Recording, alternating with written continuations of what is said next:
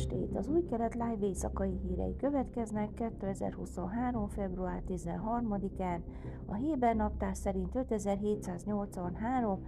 Sváthó 22-én.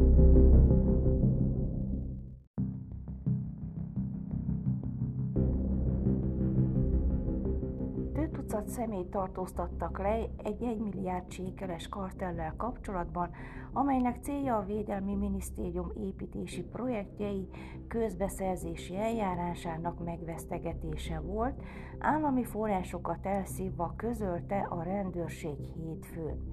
A vesztegetés és a pályázati eljárás manipulálásának gyanúja miatt védelmi minisztériumi alkalmazottakat, vállalkozókat, cégtulajdonosokat és ügyvédeket tartóztattak le. A csalás ellenes részleg tisztjei egy éve folytatnak titkos akciót, miután felmerült a gyanú a Védelmi Minisztérium tender folyamatának tisztaságával kapcsolatban. A rendőrség szerint felmerült a gyanú, hogy a minisztérium mérnöki és építőipari részlegének tisztviselői kenőpészt fogadtak el, benfentes információ kiadásáért és részrehajlóan jártak el az építési projektekre kiírt pályázatoknál. A gyanúsítottak otthonában tartott házkutatások során luxusautókat, luxusórákat és készpénzt foglaltak le. A nyomozás során kiderült, hogy az ügyben gyanúsított egyik vállalkozó üzleti kapcsolatban állt egy bűnszervezet vezetőivel, valamint a szervezettel azonosított más felekkel. A rendőrség a múlt héten hatalmas razziát hajtott végre a bűnszövetkezetek ellen. 21 tagot tartóztattak le és vagyontárgyakat foglaltak le az építkezési védelmi pénzedésekkel kapcsolatos nyomozás részeként.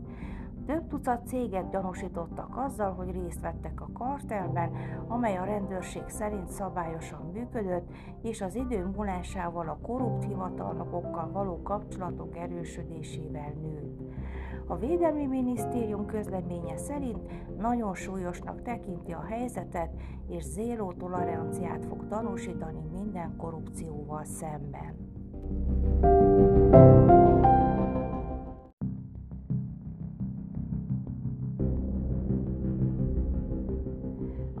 Pénteki palesztin terrortámadásban meghalt két fiatal fiú édesanyja vasárnap beszélt az őt ért veszteségekről és a terrortámadás pillanatairól, melyben a férje is súlyosan megsebesült. Az öt éves Jákov Israel Palei és testvére a 7 éves Asher Menachem meghalt, miután egy terrorista autójával belehajtott a buszmegállóba, ahol várakoztak Jeruzsálem Rámot negyedében. Áltás Lomó Léderman egy 20 éves jesiva diák, aki mindössze két hónapja házasodott, szintén meghalt a támadásban. A fiúk anyja Dvora, aki babát vár, a család Rámoti otthonában nyilatkozott a médiának a síva közben. Ez egy csapás számunkra, mondta a 12-es csatornának. Hozzátette, hogy az örökké való elvette két édes gyermekét, és hiszünk abban, hogy ahogy szeretettel adta nekünk őket, úgy szeretettel vette el őket tőlünk. Fiaira úgy emlékezett, mint boldog gyerekekre, jó gyerekekre, akik szerettek segíteni. Most fent vannak együtt életben és halálban, elválaszthatatlanok voltak. Elmondása szerint a két fiú és apjuk egy családi ünnepségre tartottak, és busszal utaztak volna, mivel a családi autóban nem volt elég hely mindannyiuknak. Egy idősebb testvér is velük volt. A férje Abraham a közeli Ramot csomóponti megállóhoz vitte őket, hogy a három fiú együtt elérje a buszt. Abraham és a két fiatalabb fiú kiszállt a család autójából a busz megállónál. A másik fia, akinek a buszon kellett volna kísérnie testvéreit, még nem csatlakozott hozzájuk, amikor a terrorista autója a megállóban várakozók közé hajtott. A nagyobbik fiam felhívott, és azt kiabálta, hogy terrortámadás történt, emlékezett vissza a 12-es csatornának. A fiú nem tudta, hol van az apja vagy a két testvére. Dvora a helyszínre ment, és hamar rájött, hogy egy nagy terrortámadásról van szó, és a családon van a középpontban. Idősebb fia könnyebben megsérült, nem sokkal később közölték vele, hogy férjét kórházba szállították. Tisztában voltam vele, hogy emberek haltak meg, mondta, de nem tudott további információt szerezni a mentősöktől. Egy ponton valaki odajött hozzám, és megkérdezte, hogy tudnék-e azonosítani egy fiút, mondta. A halott a fia volt. Míg Jákov visszaélt a helyszínen halottnak nyilvánították, bátyja Asher Menachem súlyosan megsérült és másnap halt bele sérüléseibe. Apjukat még mindig altatásban tartják a kórházban, még nem tudja, hogy fiait megölték. Reméljük, hogy amikor felébred, az örökkévaló erőt ad neki, hogy szembenézzen egy új valósággal, mondta Tóra. A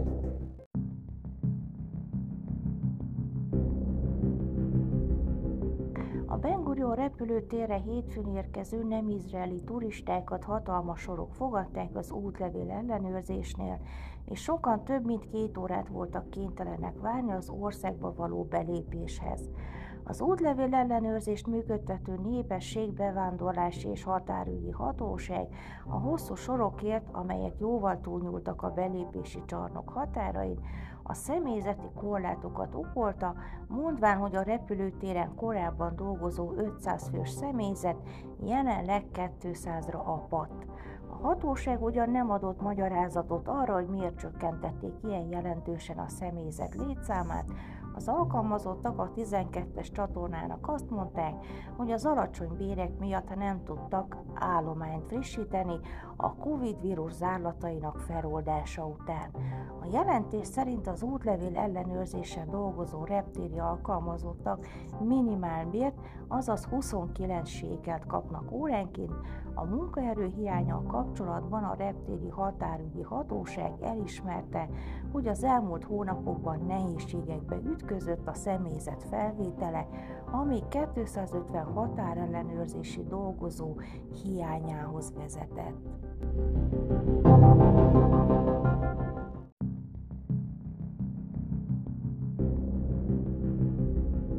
Időjárás Kedden napos idő várható Jeruzsálemben 12, Hajfán 16, Eiláton 19, míg Ásdodban és Tel Avivban 17 fokra lehet számítani. Ezek voltak az új Kelet Life hírei hétfőn.